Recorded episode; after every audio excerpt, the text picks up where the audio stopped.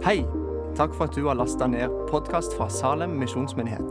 For å finne ut mer om oss, besøk vår hjemmeside salem.as. Overskriften og det jeg skal si i dag, er 'Et attraktivt liv'. Og om du lurer på om det er attraktivt Lurte på det, får jeg si. Da du kom, så skjønte du vel i løpet av møtet at dette er faktisk veldig bra. Å tilhøre Guds menighet og få være med på noe lignende som det vi har vært med på i dag. Og, og temaet 'et attraktivt liv' det er altså da eh, noe som er viktig både selvfølgelig for oss, men også med tanke på å vinne nye. Fordi at eh, eh da kristendommen spredde seg som en prærieild i den første kristne tiden, så var det fordi hedningene så at de kristne hadde et liv som de savnet. De hadde verdier, de var bærere av noe, så de tenkte vi må få tak i det som de har. Og annerledes tror jeg ikke det er i dag. Og det er det det skal altså handle om. Et attraktivt liv. Jeg har lyst til å be en kort bønn. Herre, takk for det vi har fått være med på så langt i denne gudstjenesten. Det begeistrer oss. Og Nå legger vi også resten av samværet i dine hender og takker deg for at du er her sammen med oss og vil tale til oss. Amen. En ting som eh, kjennetegner tiden vår, det er travelhet. Vi haster gjennom livet. Litt andpustent. Skulle alltid vært et annet sted enn der vi er akkurat nå. Vi har liksom ikke nok tid. En som betrakta den vestlige kulturen vår litt på avstand og så på travelheten, beskrev det på denne måten. Når dere sitter, står dere allerede. Og når dere står, løper dere allerede. Og når dere løper, er dere allerede framme. Og når dere spiser, er dere allerede ferdige. Travelt. Travelheten gjør noe med oss. En som heter Thomas Merton, han beskriver travelhet som en type selvskading. Hør. Det finnes en utbredt form for moderne vold. Kolon. Aktivisme og overarbeid. Det moderne livets mas og jag er en form for iboende vold man lar seg rive med av en myriade av bekymringer. Man overgir seg til for mange krav. Man hengir seg til for mange prosjekter. Man ønsker å hjelpe alle med alt. Dette er å underkaste seg vold, sier munken Thomas Merton. Og Resultatet av et sånt travelt liv dere, det er at vi er blitt kanskje de mest utmattede psykologisk overarbeidede og åndelig underernærte mennesker i historien, sier de som mener de har greie på det. Hva er kjennetegnene på mennesket anno 2020 som har det så travelt? Ja, du får en liste på veggen der. Og uh, Du kjenner deg nok ikke igjen i alt, men kanskje i noe av det. jeg vet ikke. Dårlig tid, stadige forstyrrelser, overfladiske kontakter, distraksjoner, rådvill, umettelig hang etter mer. Det er jo en av grunnene by the way, til at vi har det så travelt. Fordi at vi skal gå opp over så mye, og alltid er det noe mer vi skal ha plass til i livet. Utilfreds, bekymret, frustrert, trist, engstelig. Man arbeider for å vinne anerkjennelse, eller man arbeider for å skaffe seg mer og for å prestere. Noen har sagt at den vestlige verden roterer rundt to guder. og På engelsk heter det 'accumulation and accomplishment'. Samle på ting og prestere. Så det har jo sine sider, dette her. Men det finnes et alternativ, et attraktivt alternativ til det moderne livets mas og jag. Og Nå skal vi få de opp på siden av denne kolonnen. Litt liten tekst. Men i stedet for dårlig tid God tid. Bare smak på den. I stedet for stadige forstyrrelser, stillhet. I stedet for overfladiske kontakter og bekjentskaper, dype relasjoner. I stedet for distrahert, fokusert. Rådvill? Nei, meningsfullt liv. Umettelig hang etter mer? Nei, takknemlig. Utilfreds? Nei, jeg er tilfreds. Bekymret? Nei, tillitsfull. I stedet for frustrert, kjærlig. I stedet for trist, glad. I stedet for engstelig, fredfull. I stedet for å arbeide for å vinne anerkjennelse, så arbeider jeg fordi jeg er elsket. Og I stedet for å arbeide for å skaffe meg mer og for å prestere, altså accumulation and accomplishment, så arbeider jeg for å gi mitt bidrag. Ja, det er noe annet. Er du enig? Det er jo innbydende. Dette er vakkert, tiltalende. Det er jo det livet vi kjenner. Det vil jeg ha.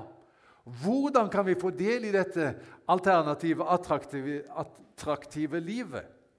Da skal vi gå til kirkefaderen Augustin. Har du hørt om Augustin? Ganske sikkert. Det aller mest kjente sitatet av Augustin er følgende.: Gud, du har skapt oss til deg, og vårt hjerte er urolig inntil det finner hvile hos deg.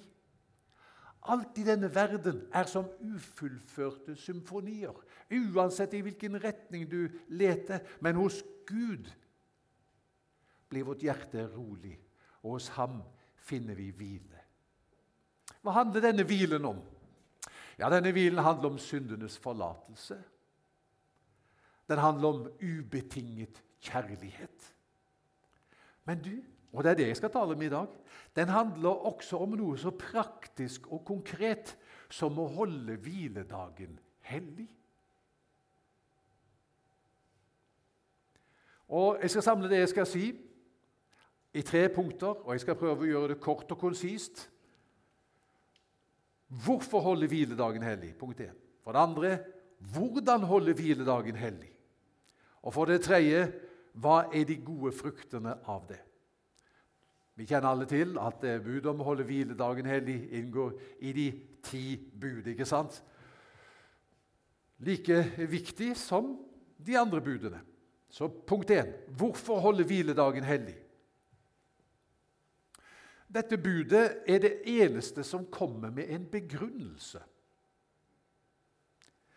Det står ikke i de ti bud 'du skal ikke slå i hæl', og nå skal jeg fortelle deg hvorfor det er en dårlig idé.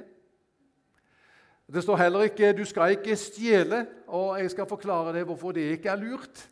Nei, Gud sier ikke det. Det skjønner vi liksom umiddelbart. Men det, dette budet om å holde hviledagen hellig det kommer med en begrunnelse. Antagelig fordi vi har en sånn en iboende hang etter eh, det motsatte. Merkelig. Begrunnelsen er i alle fall i Bibelen todelt. Hvorfor holder hviledagen hellig? For det første fordi det er skrevet inn i skaperverkets DNA. La oss gå til 2. Mosebok 20. Du får det på veggen. Husk sabbatsdagen og hold den hellig. Seks dager skal du arbeide og gjøre all din gjerning, men den sjuende dagen er sabbat for Herren din Gud. Da skal du ikke gjøre noe arbeid, verken du eller din sønn eller din datter, verken snaven eller slavekvinnen din, verken buskapen din eller innflytteren som bor i byene dine. For og her har du begrunnelsen, som altså er spesielt for dette budet. For på seks dager laget Herren himmelen og jorden, havet og alt som er i dem. Men den sjuende dagen hvilte han. Derfor velsignet Herren sabbatsdagen og helliget den. Begrunnelsen for å holde hviledagen hellig finner vi altså der i skapelsens morgen. Gud arbeidet, og Gud hvilte. Han arbeidet i seks dager og hvilte på den syvende.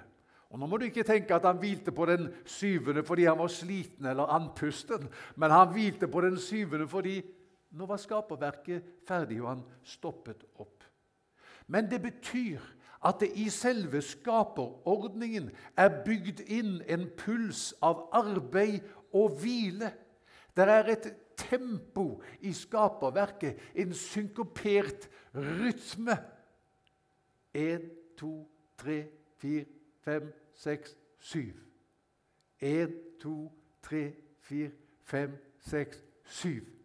Det er en rytme i dette som Gud demonstrerte, og som han har altså skapt og vevd inn i skaperverkets DNA. Og Det betyr at hvis ikke vi bryr oss om denne rytmen, da arbeider vi mot selve veden i skaperverket. Jeg vet ikke om du har prøvd på å arbeide mot veden noen gang. Da har jeg bare lyst til å si, for det har jeg prøvd på. Pass deg, du kan fort få fliser. Vi tenker at vi kan arbeide uten stans. Men og nå skal du få et sitat av en som heter Wayne Muller ikke noe vesen lever sånn. Det finnes større rytmer som styrer hvordan livet vokser. Årstider og solnedganger. Store bevegelser i havet og på stjernehimmelen. Vi er en del av dette og underlagt skaperverkets lover og rytmer. Mange vitenskapsmenn tror at vi fra naturens side er konstruert for å leve i disse rytmene, til å være i og deretter tre ut av, til å være helt oppslukt og deretter frakoblet, til å gi jernet og deretter hvile. Det betyr at budet om å holde hviledagen hellig er liksom ikke sånn der eh, du burde, du skulle, du måtte fra en lovpåleggende guddom. Men det er en påminnelse om en lov som er lagt ned i naturens mønster.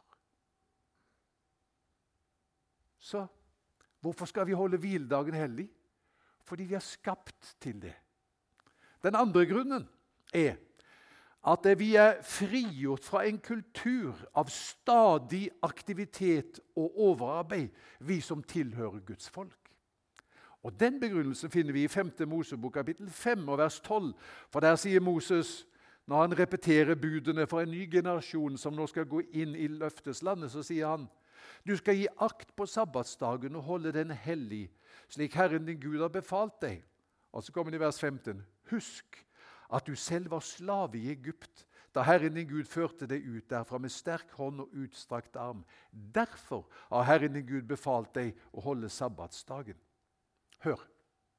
I 400 år gikk jødene i Egypt uten ferie. Aldri en fridag. De ble ikke betraktet som mennesker. De var levende maskiner, arbeidsenheter, utstyr som man kunne lage murstein og bygge pyramider med. Så vi kan veldig lett forestille oss hvor djupt innarbeida i den jødiske kulturen eh, den gang i alle fall, det var dette med, med stadig aktivitet og overarbeid. De hadde aldri sett noe annet og vært vitne til noe annet. Sånn sett er jo vi også del av en kultur som er i veldig stor grad preget av dette. Denne type selvskading som vi begynte med å fortelle dere om, eh, som handler om stadig aktivitet, og at vi kjører på overload. Men da Gud kalte folket sitt ut av Egypt, ut av dette regimet av arbeid, arbeid, arbeid til du stuper, så sa han, 'Dere er verdifulle for meg.' Dere er skapt i mitt bilde. Nå skal jeg gi dere en presang. Du skal holde hviledagen hellig. Én dag i uka. Det blir 52 dager i året. Syv uker. Uten arbeid med hvile. Ok, Da er jeg over til punkt to. Men da skal jeg ta med litt vann. Så det var begrunnelsen for, eh, for eh, hvorfor holde hviledagen hellig. Det er fordi det er skapt inn i, i, vårt DNA. Og det andre er at eh, vi er frigjort fra dette regimet av arbeid, arbeid, arbeid. For vi tilhører ham, og Gud har gitt oss denne gaven. Okay. Men hvordan skal vi gjøre det, da? Jeg har et par punkter på det òg. For det første ved å stoppe opp. Det hebraiske ordet shabbat det betyr nettopp det å stoppe opp. For jødene så er jo dette den syvende dagen i uken, lørdagen. Og sabbaten begynner fredagen ved solnedgang og varer til lørdagen ved solnedgang. For kristne er det søndagen som gjelder. Hvorfor det? Det var litt av et skifte du, som eh, de eh, første kristne jødene gjorde da de gikk over fra å feire eh, helligdagen på lørdagen til å ha den på søndagen. Det må ha skjedd et jordskjelv i deres verden for å gjøre et sånt skifte. Og det jordskjelvet det var jo Jesu oppstandelse fra de døde. Og Paulus han lar oss forstå at hvilken dag man velger, det er underordnet. Du kan lese Kolosserbrevet, Romerbrevet og Galaterbrevet, så ser du dette. Men det er altså fortsatt et poeng at en ukentlig hvileperiode på 24 timer det er en måte å holde hviledagen hellig på og stoppe opp. Det betyr at eh, sabbaten er noe annet enn en sekulær fridag. For fridager har vi jo alle. Men hva gjør vi med fridager? Antagelig er du ikke så ulik meg. Altså På fridagene da gjør jeg alt det som jeg ikke har rekt å gjøre på de andre dagene. Det er klart det. Da må jeg vaske bilen, da skal jeg rydde i garasjen, da skal jeg klippe plenen. Oi, jeg har ikke vasket vinduene heller. Og hekken må jeg ta. Og så må jeg skifte dekk på sykkelen. Og så må vi på Ikea, for det er ting som vi ikke har eh, på, på det der rommet som vi har pustet opp. Og så fyller vi også denne dagen med travle aktiviteter. Det er ikke å holde hviledagen hellig. Å holde hviledagen hellig, det er å stoppe opp. Et nytt sitat av Wayne Muller. Hvis vi venter til vi blir ferdige, kommer vi aldri til å stoppe opp. Aldri hvile før vi dør. Vi stanser opp når det er hviledag og helligdag, fordi krefter større enn oss tar hånd om universet. Er ikke det godt å vite? Selv om vår innsats er viktig, nyttig og nødvendig, er vi ikke uunnværlige. Galaksen vil klare seg uten oss også denne dagen. Tror du på det? Og Derfor inviteres vi, befales vi, til å slappe av hør på dette, til å slappe av og nyte vår relative ubetydelighet, vår ydmyke plass ved bordet i en veldig stor verden. Er det ikke vakkert sagt? Jeg skulle ønske jeg kunne si det var mine ord, men det var et sitat.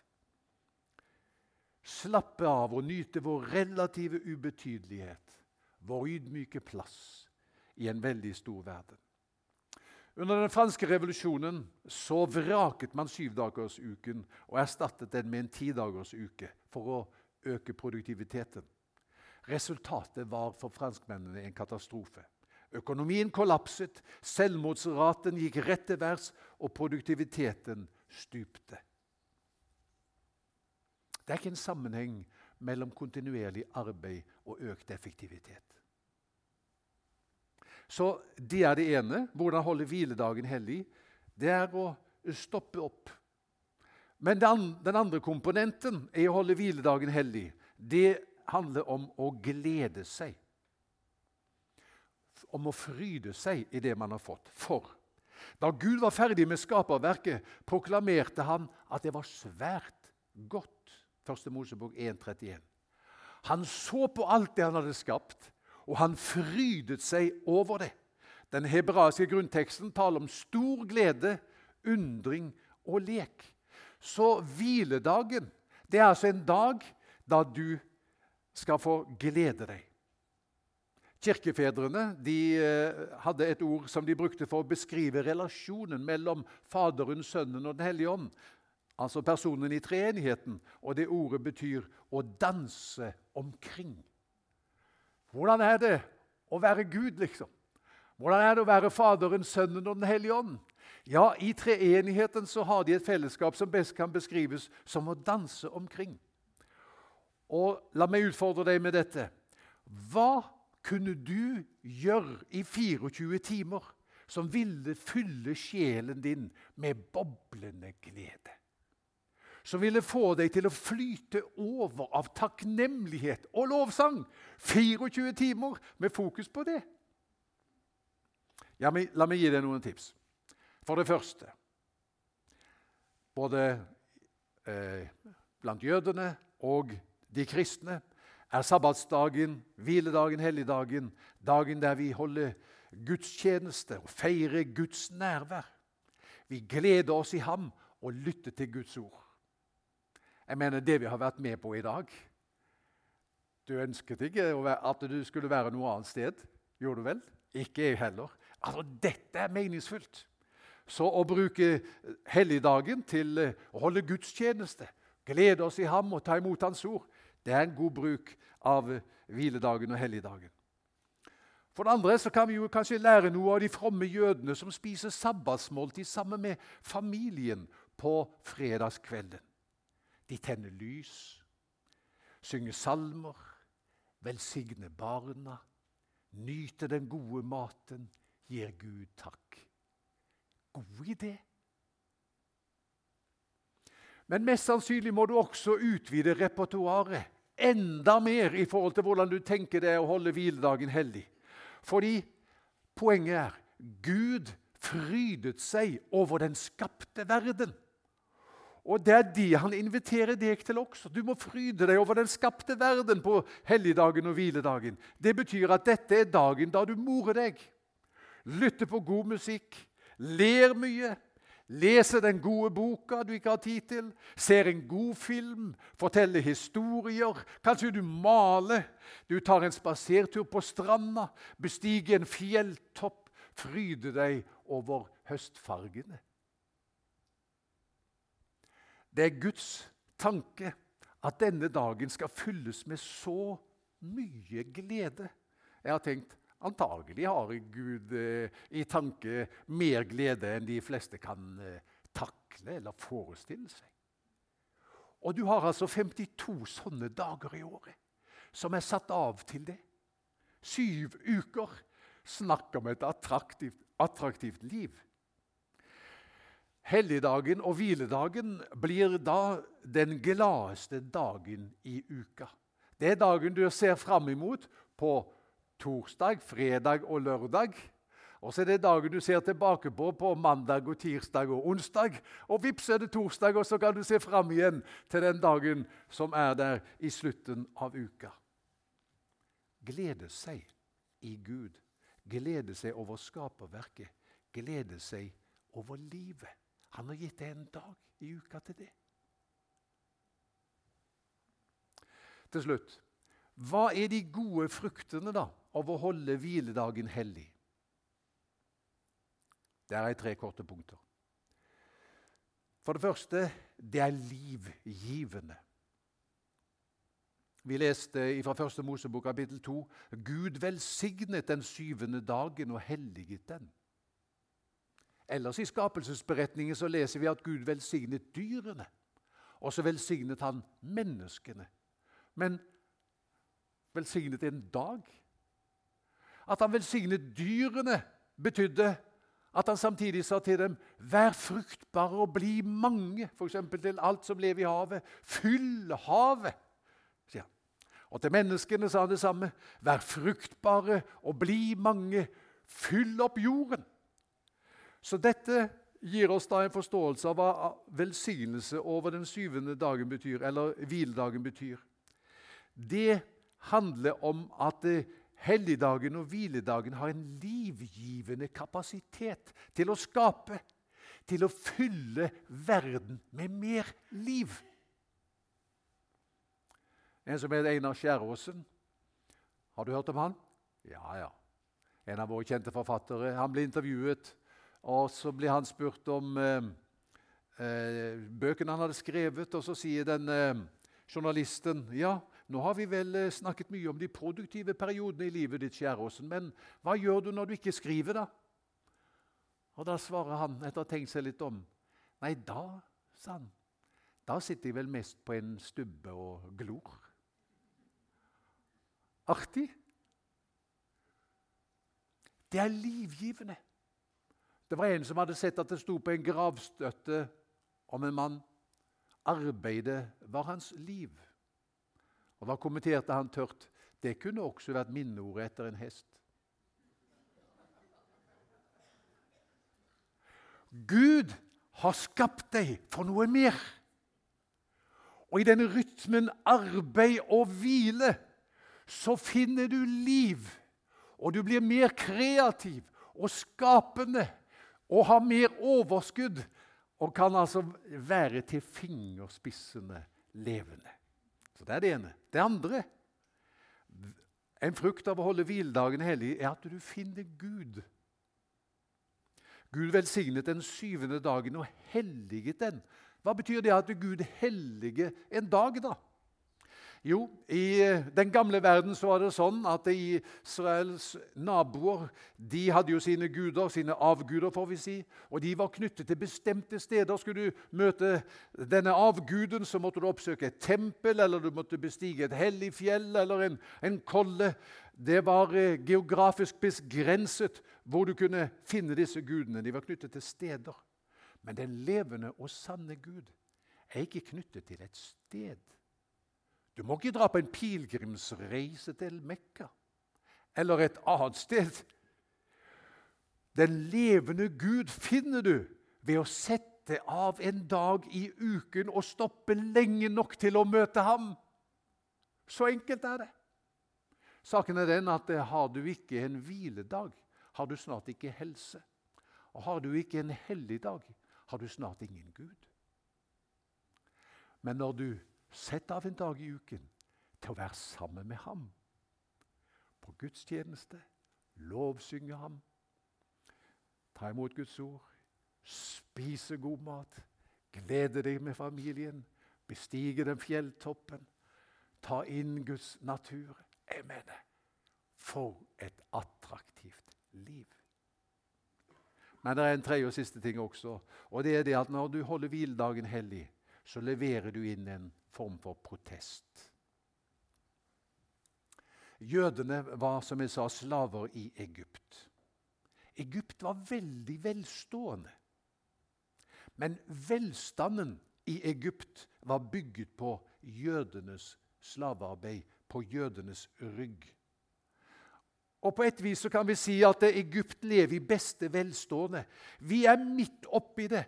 Vår kultur er ikke veldig forskjellig faktisk fra, fra Egypts kultur i så henseende. Vi er barn av en kultur av mer. En kultur med umettelig appetitt på alt. Mer mat, mer drikke, mer klær, flere dingser, flere apper, flere opplevelser. Mer, mer. Men har du tenkt på at det ofte er noen som betaler for vår velstand? Det finnes 28 millioner slaver i verden i dag. 0,7% av eh, jordens voksne eier 50% av all rikdom. Og 50% av denne verdens mennesker de må klare seg med jeg tror det er 2,7% Det er en sånn skeiv fordeling, en sånn urett. Hva kan jeg gjøre med det, sier du? Nå skal du få ett svar. Ved én dag i uken å ikke gjøre noe legger du inn en protest. Ser du det? Sier du vet du hva, én dag i uken kjøper jeg ikke. Da handler jeg ikke. Da er jeg ikke synka inn på dette arbeid, arbeid, arbeid, arbeid. Og jeg vet det er mange fattige i verden som betaler dyrt for min velstand. Jeg leverer inn en protest ved én dag i uken og sier følgende Jeg siterer Salme 23 høyt for meg selv og for alle som vil høre meg. Herren er min hyrde, jeg mangler ingenting. Ja nok.